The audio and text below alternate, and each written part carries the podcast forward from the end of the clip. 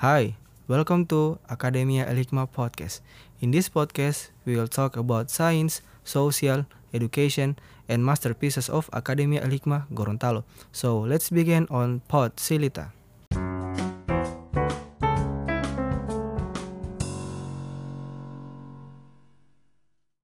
Jadi segmen kali ini adalah episode pertama kita di Pod Silita dengan saya Yusril Saya Amal. Dan kali ini kita kedatangan tamu yang sangat spesial yaitu Kak Aan Chandra Talib. Halo. Ais, Masya Allah. Jadi buat teman-teman yang belum tahu, Kak Aan Chandra Talib ini adalah founder dari Akademia El Hikmah Gorontalo dan yayasan ini masih tergolong yayasan yang masih sangat muda, masih baru terbentuk di tahun ini dan yayasan ini berfokus untuk pengembangan ilmu sains dan edukasi dan juga kegiatan-kegiatan sosial dan kegiatan-kegiatan kemanusiaan. Dan untuk lebih detailnya kita akan tanyakan langsung kepada Kak Chandra Talib. Pertama-tama gimana kabarnya Kak? Baik, alhamdulillah. Masya Allah, Alhamdulillah. Nah ini Kak An ini seorang penggiat literasi ya. Mm-mm. Jadi Yayasan Akademi El Hikmah ini pastinya jadi jadi tempat berkumpulnya orang-orang yang suka dengan literasi, dengan Literasi. m- untuk menggerakkan literasi di Gorontalo yang kita tahu sendiri bagaimana kondisinya saat ini ya Kak. Iya benar sih. Agak sedikit apa ya memprihatinkan tapi pastilah kita Iya. memiliki motivasi lah untuk Kita bisa punya cita-cita yang Ya, kita optimis Iya. Gorontalo bisa ke Ah, depan ah. insya Allah. Jadi itu bisa jadi ini kak pertanyaan. Kenapa Gorontalo yang di yang kak bangun yayasan ini? Kenapa nggak di Jakarta atau di tempat-tempat lain? harusnya karena Kak An ini juga orang Gorontalo ya. Harusnya. Apa jika- karena itu? Atau Jika logikanya begitu kan. Biasanya orang-orang memfokuskan diri di kampung halaman sendiri kan. Ya, eh, salah satu alasannya Iya. Saya orang Gorontalo dan saya punya cita-cita besar untuk daerah membangun kelahiran saya. Sekalipun eh, punya kesempatan untuk Iya. berkarir di luar, tetapi saya pikir Gorontalo adalah tanah tumpah darah saya dan saya memiliki tanggung jawab secara em, apa namanya moral untuk turut berkontribusi terhadap eh, cita-cita masyarakat madani Gorontalo karena kita ketahui bersama Gorontalo dikenal sebagai Serambi Seram. Madinah Madinah. tentu ini sebuah eh, apa namanya eh, gelar atau penamaan yang Hmm. bagi saya besar, Besar, tapi eh, juga menitipkan Sebuah harapan. eh, harapan harapan. yang besar agar tercipta peradaban madani di Gorontalo, insya Allah. Dan it- harapan itu harus kita aminkan. Ya harapan itu harus kita aminkan Dengan usaha dan- yang nyata. usaha yang nyata Iya. dan mungkin salah satunya kita eh, coba dengan mendirikan Mendirikan yayasan Yayasan Akademia El Hikmah Gorontalo. Gorontalo. Terus kak, kira-kira ada cerita nggak dari atau latar belakang dari eh, kenapa kak mendirikan Yayasan Akademi Al Hikmah Gorontalo ini? Eh, sebenarnya eh, cita-cita ini sudah lama sejak kami dulu kuliah di Madinah.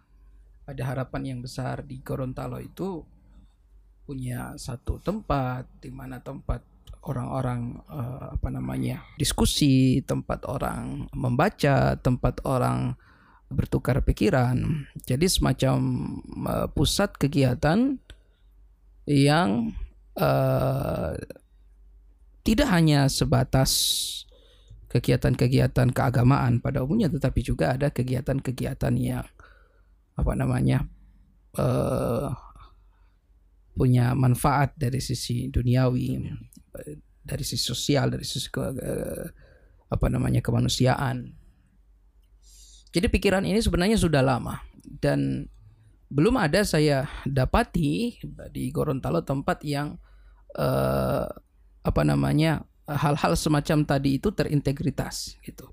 Jadi by the way kak, eh, ada nggak sih cerita atau latar belakang dari sebelum terbentuk yayasan ini kak? Ya eh, sempat terpikirkan ketika kami kuliah di Madinah eh, mengunjungi beberapa eh, tempat di kota Madinah, terutama Masjid Nabawiyah. Di situ ada taklim, di situ ada perpustakaan, di situ ada tempat orang diskusi dan eh, seterusnya. Dan bahkan kalau kita jalan-jalan ke Masjid Nabawi itu bukan hanya tempat diskusi ilmu-ilmu agama, tapi kadang-kadang kita lihat anak-anak belajar matematika di sana, digu- dibimbing oleh gurunya. Kenapa itu tidak kita ciptakan di Serambi Madinah?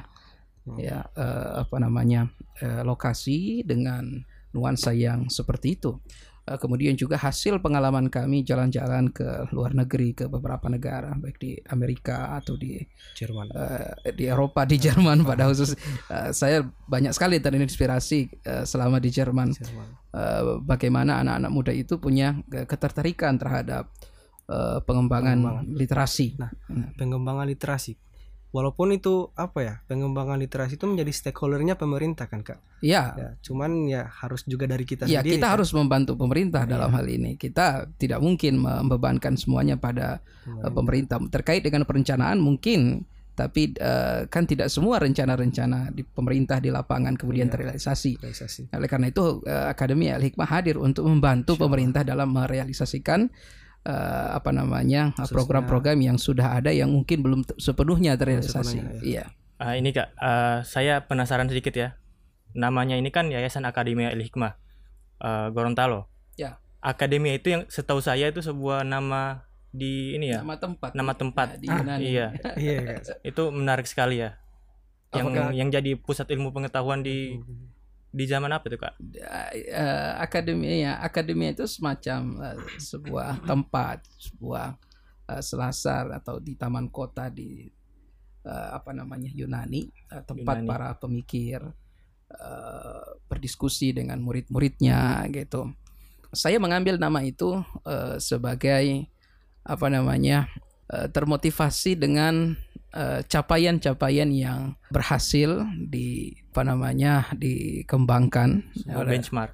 ya oleh orang-orang Yunani. Artinya yang mengilhami pemikiran Eropa ya. Eh, sebelum Islam kemudian datang mengilhami eh, kembali pemikiran Eropa eh, saat mereka pernah pada satu masa yang kita kenal dengan zaman eh, kegelapan ya kan jadi peradaban Yunani sempat eh, menerangi masyarakat Eropa tapi karena terlalu banyak eh, mitos-mitosnya terlalu banyak Iya. kemudian mereka tenggelam dalam kegelapan lagi hingga kemudian uh, datang umat Islam uh, dan uh, mengembalikan mereka kepada uh, ilmu pengetahuan. pengetahuan Jadi bagi saya uh, pengambilan nama akademia upaya menjembatani karena di dep- di, dep- di depannya ada El Hikmah. El Hikmah. Al Hikmah iya. sendiri terambil dari Baitul Hikmah di Baghdad pada Hikmah. saat itu. Jadi saya punya harapan adanya jembatan yang menghubungkan antara uh, timur dan juga uh, barat Juga karena iya. eh, saya kira eh, dalam mindset kita eh, timur dan barat ini timur dan barat sulit untuk dipertemukan Iya, iya. sama halnya seperti sains dan agama seolah-olah iya. eh, Ada tercerai batas. padahal eh, masing-masing punya bisa wilayah iya kadang bisa saling melengkapi walaupun kadang dalam beberapa model penelitian agama sendiri sains Iya. eh, sendiri tetapi keduanya harus kita Sinergikan. jembatani Kenapa Iya. nggak Iya, dikolaborasikan karena aja? sains hidup dengan kita sebagai mana kita hidup dengan agama. masya allah Iya. Nah. Sebuah filosofi yang Iya. Yang insya Allah, insya Allah terwujud ya itu. Insya Allah Amin terwujud. insya Allah. Sebuah benchmark yang luar biasa. Amin Insya Allah, insya Allah. Kita aminkan. Amin ya rabbal Nah, terus Kak, kira-kira ada nggak visi misi dari Akademi Al Hikmah Gorontalo?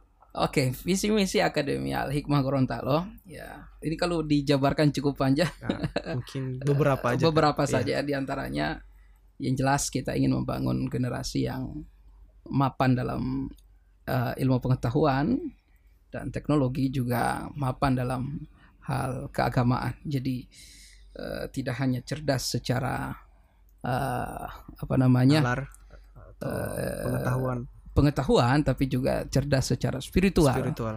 Karena kita ingin manusia ketika dia mengejar akhirat tidak lupa dia adalah penduduk dunia juga. Oh, Iya. itu benar, benar. itu tujuan kita ya. Oh. Dan apa namanya? fokus kita rumah literasi itu pada pendidikan ya. Kemudian dan pelayanan ya. Pendi- eh, apa namanya? pendidikan dan eh, pelayanan kepada masyarakat ya. Itu kalau soal eh, eh, visi misi eh, rumah literasi nanti bisa atau Akademi Al Hikmah bisa dilihat dalam eh, profil ya Akademi Al Hikmah secara umum. Tapi secara umum seperti itu. Iya, benar. Seperti secara umum seperti itu kita ingin membangun membangun generasi yang eh, kuat dalam intak dan juga iptek ya. Kemudian juga eh, kita punya misi dalam mendidik dan melayani masyarakat dalam eh, sosial, dalam eh, kemanusiaan. Kemanusiaan. karena biasanya eh, dari semua dari buku-buku yang saya baca itu peradaban-peradaban yang luar biasa di zaman dulu itu runtuh karena tidak seimbangnya antara antara Spiritual. spiritual, dan Ya benar. ilmu pengetahuan. Ya benar.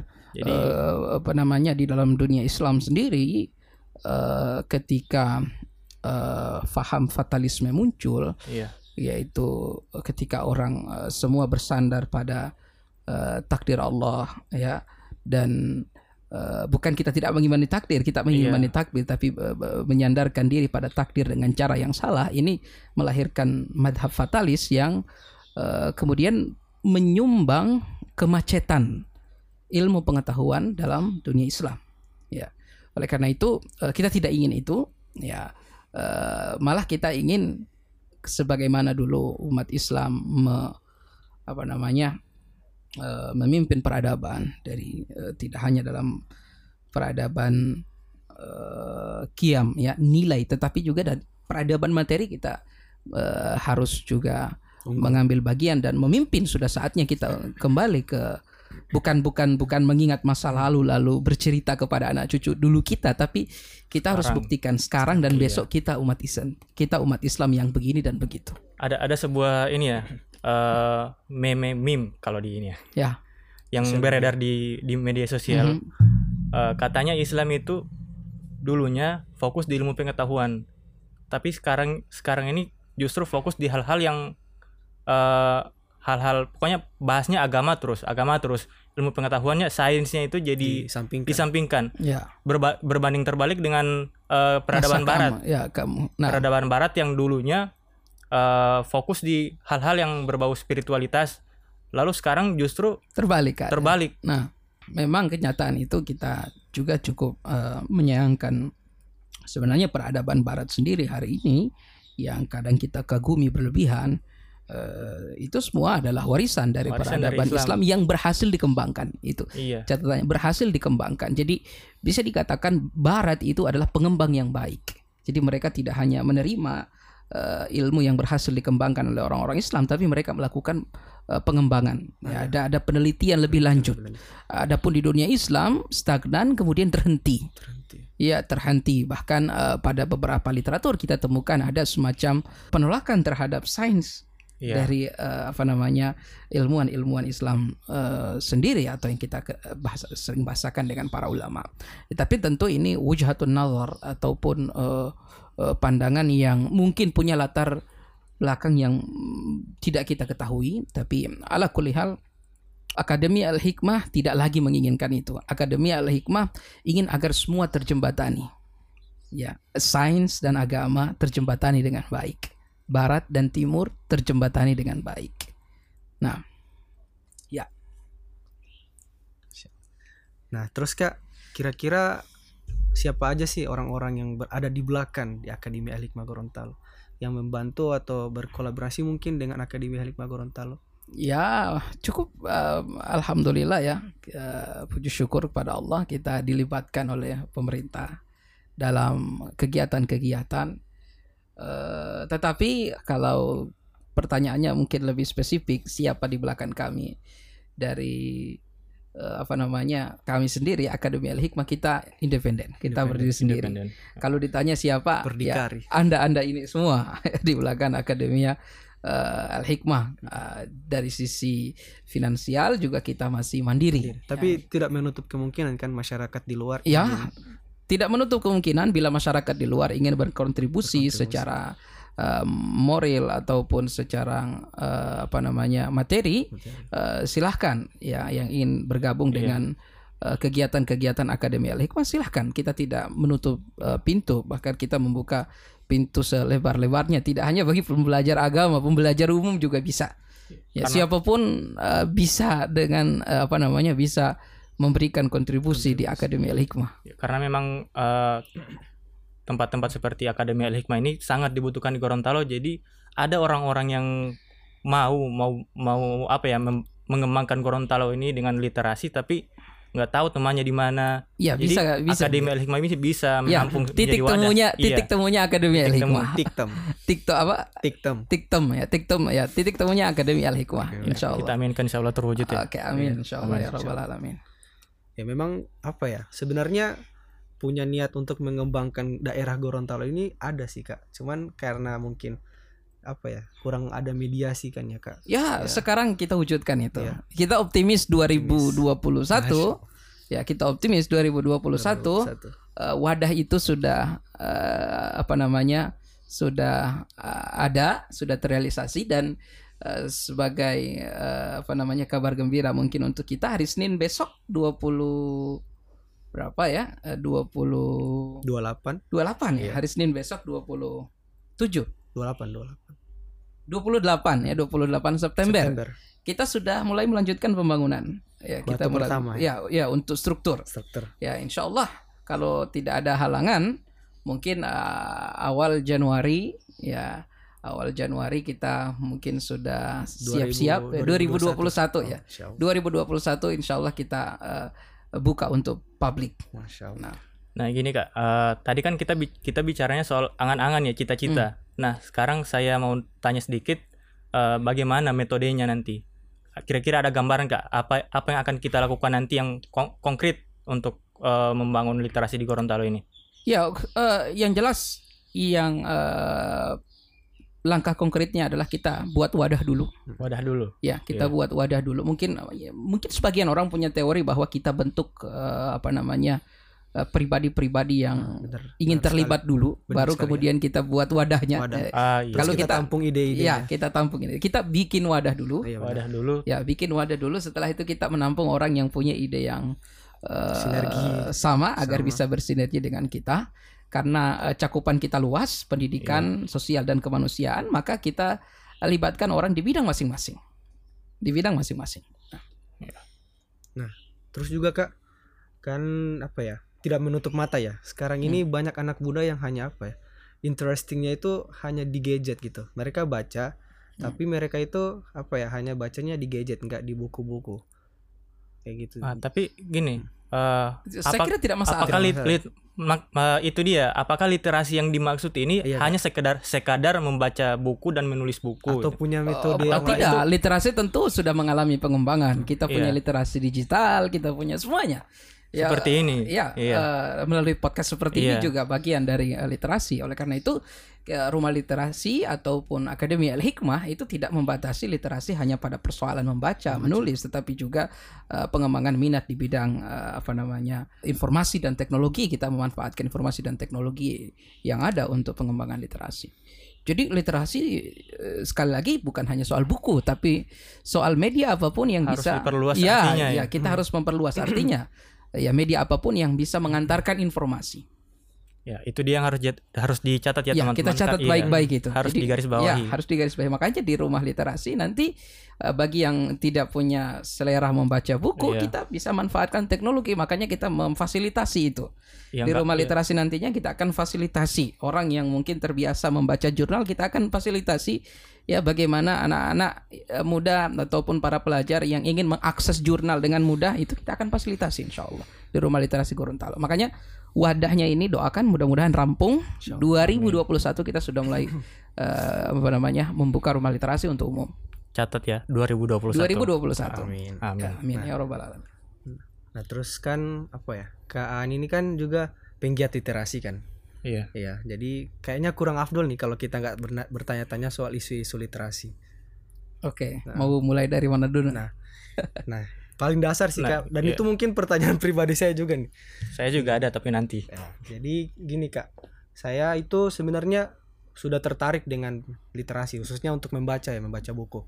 Hanya saja mungkin masih ada distraction yang apa yang yang kadang mengganggu itu. Hmm. Saya sudah sadar bahwa membaca itu apa ya ingin menjadikan hobi tersebut menjadi prioritas utama. Cuman kadang sering belok arah. Kira-kira kak punya cara untuk bagaimana bisa Ya, eh, membaca itu dia tidak hanya soal eh, buku dan minat. Nah, jadi bukan hanya sekedar buku dan bu- juga bukan sekedar minat. Membaca itu membutuhkan eh, apa namanya ruangan, ya, membutuhkan eh, tempat yang baik, ya karena membaca itu adalah pekerjaan monoton Hmm. Ya pekerjaan monoton itu harus ditunjang dengan fasilitas, yang Fasilitas yang baik, baik. tempat yang Dan baik juga makanya mengkhususkan Iya, waktu tertentu ya. Iya, menghususkan waktu tertentu tapi kalau kita tidak tahu di mana kita akan membaca atau ada tempat untuk membaca tapi kurang cocok ya. Oleh karena itu kenapa rumah eh, apa namanya rumah literasi ya, oleh Akademi Al Hikmah kita pilih tempat agak sedikit ke dalam. Orang bilang kenapa nggak bikin di dekat jalan? Dekat jalan Nah, ya. ya, ya Iya, kita menghindari polusi bising yang bisa menurunkan konsentrasi orang. Hmm. Ya, jadi kita butuh konsentrasi yang penuh ketika membaca dan konsentrasi yang penuh itu harus ditunjang oleh satu lingkungan kemudian tempat membaca yang baik. Itu dengan sendirinya kejenuhan itu akan hilang.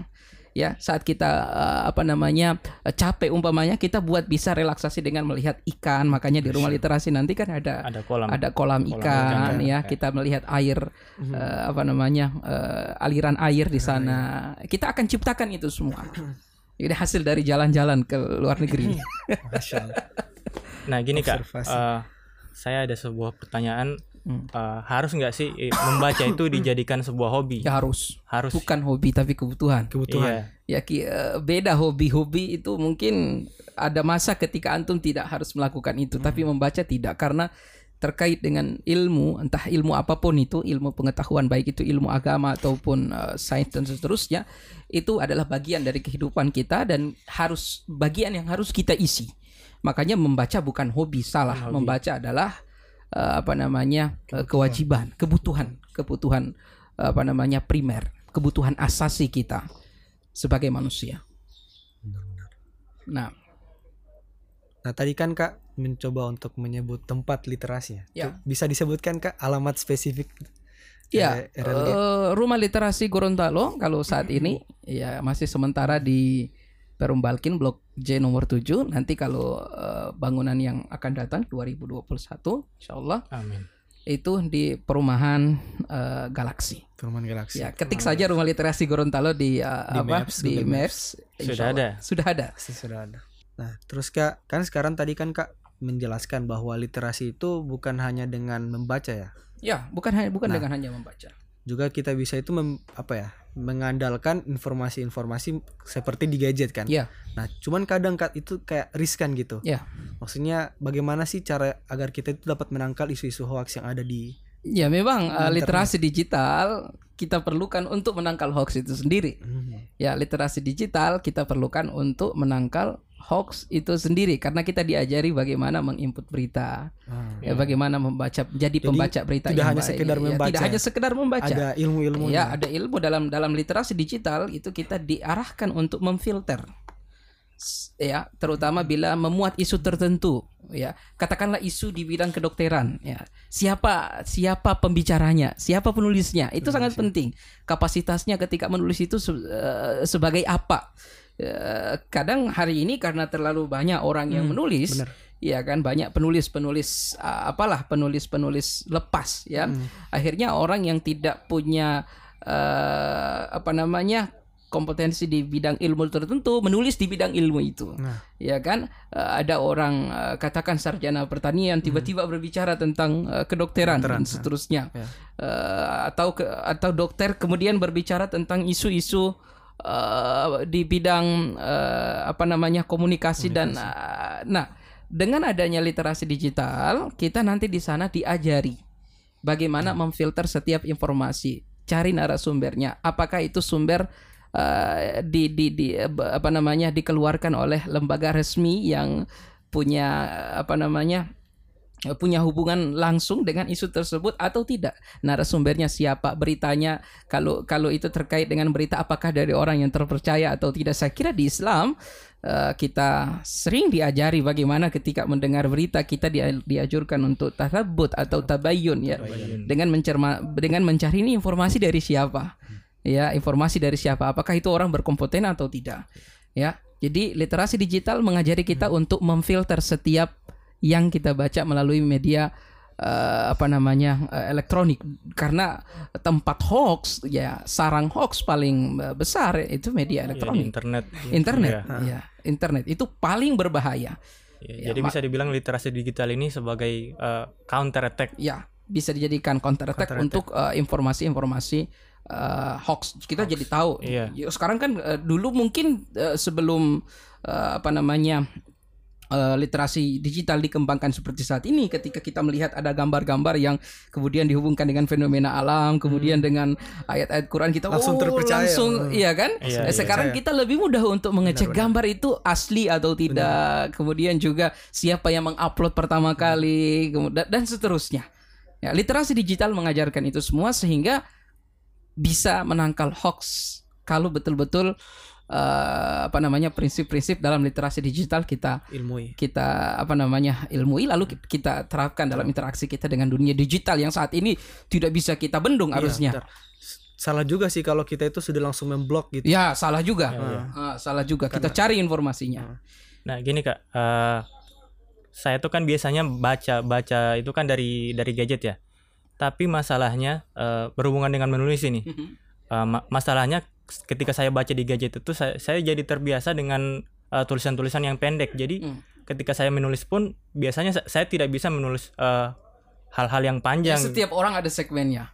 Hmm. Iya, ya, iya. setiap orang ada segmennya karena eh, segmen tulisan pendek ada ada Iya. peminatnya, segmen tulisan yang panjang ada peminatnya, segmen tulisan ilmiah ada apa namanya peminatnya. Yang paling penting adalah eh, yang kita sajikan adalah fakta yang Fakta. eh, Berdasarkan data. Iya, berdasarkan data. Itu yang paling itu yang biasanya paling di sosial media itu kan eh, tulisannya singkat-singkat semua Iya. kan. Tidak masalah Iya. singkat ya itu karena- termasuk literasi digital. Iya termasuk, ya Oke. termasuk. Tidak masalah Menarik. eh, apa namanya pendek, Iya, tetapi dan mungkin Iya. saya juga termasuk orang yang golongan itu kan Kayak- tidak masalah, tidak masalah. kayak- Karena semakin ke sini eh, minat minat baca yang eh, literatur panjang itu semakin Semakin bisa menurun. dikatakan menurun. Orang Iya. maunya tidak lagi eh, membaca pengantar dan Ah, seterusnya. benar. Orang langsung pada intinya, sehingga intinya. mungkin kita muat eh, apa namanya eh, quote atau kata-kata pendek eh, di media sosial kita itu sebenarnya tidak masalah selama bisa dipertanggungjawabkan, kemudian juga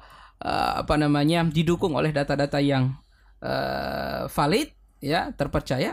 Saya kira tidak masalah. Jadi bukan bukan berarti kita baca yang tulisan-tulisan pendek kayak gitu bukan berarti kita itu eh, minat bacanya rendah. Bukan, bukan Bukan. berarti minat baca kita eh, rendah. Ya kita punya eh, minat baca tapi dalam eh, segmen yang seperti itu.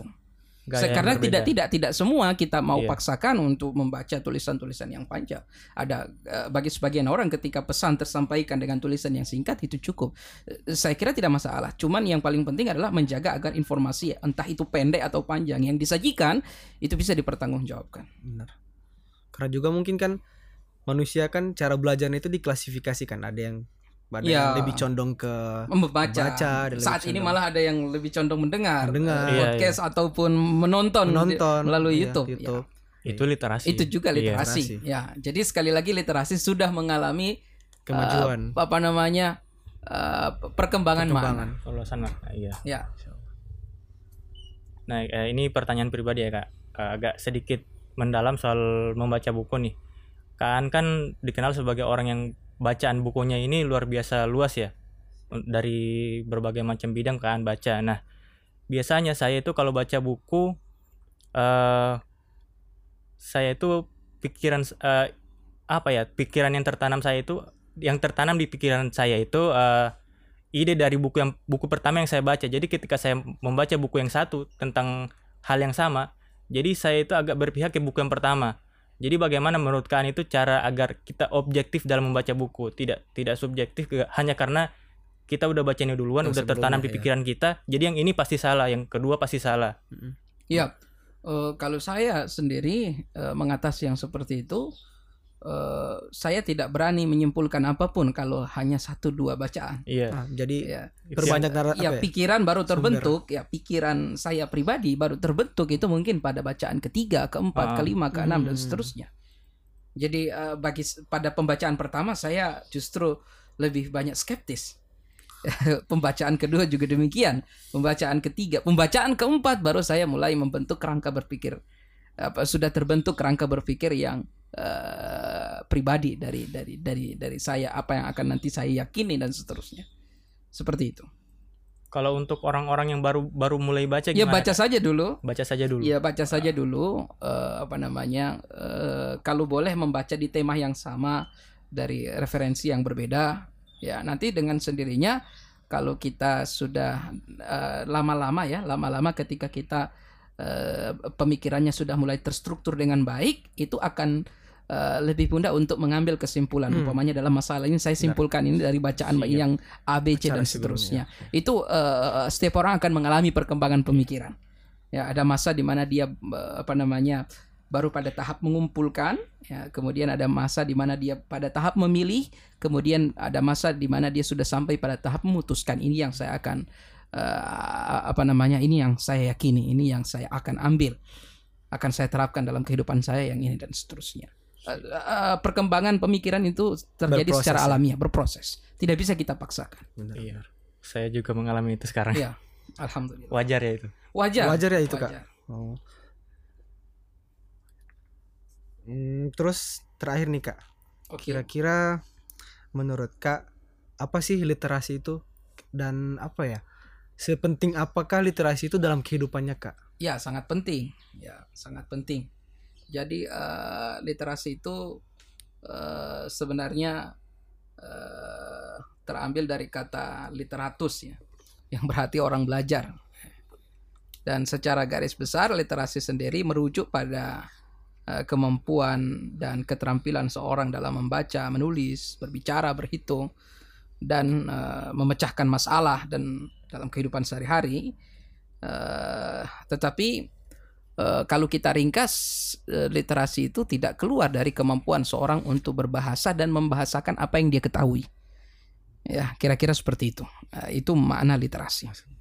Jadi eh, ketika dia tahu sesuatu dia bisa membahasakan itu juga bisa kita simpulkan sebagai makna daripada eh, literasi dan literasi sangat penting.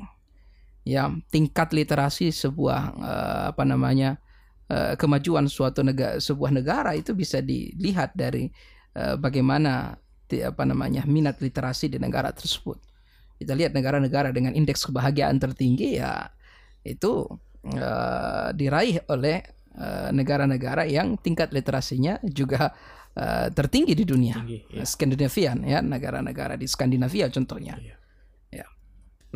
Itu aja sih dari kami kak. Oke. Dan kira-kira kak eh, punya salam-salam atau pesan-pesan untuk Ya, pesan untuk Iya, semua untuk semua. bahwa literasi itu penting dan komunitas untuk mengembangkan minat di bidang literasi itu sangat penting ya untuk kehidupan dan eh, kemajuan eh, negeri kita tercinta ya di masa yang eh, akan datang ya. Saya kira itu. Oke. Ada lagi? Ah, untuk yang ini, untuk yang mau tanya-tanya soal Ya, yayasan ya, yang mau Akademi Al tanya Hikmah, soal yayasan Rumah Literasi Akademi Gorontalo dan- hmm. soal literasi, larinya ke mana nanti? Boleh langsung ke akun saya di Instagram atau ke akun Rumah Literasi Gorontalo yang nanti mungkin akan kita ubah namanya menjadi Akademi Al Hikmah Siap. Gorontalo. Eh, atau ketemu saya di mana pun silahkan ya bertanya tentang rumah literasi dan program-programnya ke depan. Yang jelas program-programnya itu belum bisa kita bicarakan saat ini, belum bisa saya informasikan saat ini. Kita akan buat kejutan untuk masyarakat Gorontalo insya Allah di 2021. Ya mudah-mudahan Ingat itu. ada umur panjang 2021. ya di 2021 kita akan buat gebrakan-gebrakan untuk Gorontalo yang lebih baik, Lebih baik. Ya, untuk Indonesia yang lebih baik juga Insya Allah. Amin. Amin. Amin. Kita aminkan. ya Oke. oke Jadi- majulah literasi Indonesia Amin. Jadi episode eh, kali ini akan saya tutup dengan quotes dari Ki Hajar Dewantara. Beliau mengatakan bahwa setiap orang menjadi guru dan setiap rumah menjadi sekolah. Oke. Jadi eh, sekian dulu untuk episode kali ini dan terima kasih buat teman-teman yang setia mendengar sampai akhir. Bye bye. dah Dah. Assalamualaikum warahmatullahi wabarakatuh. Waalaikumsalam.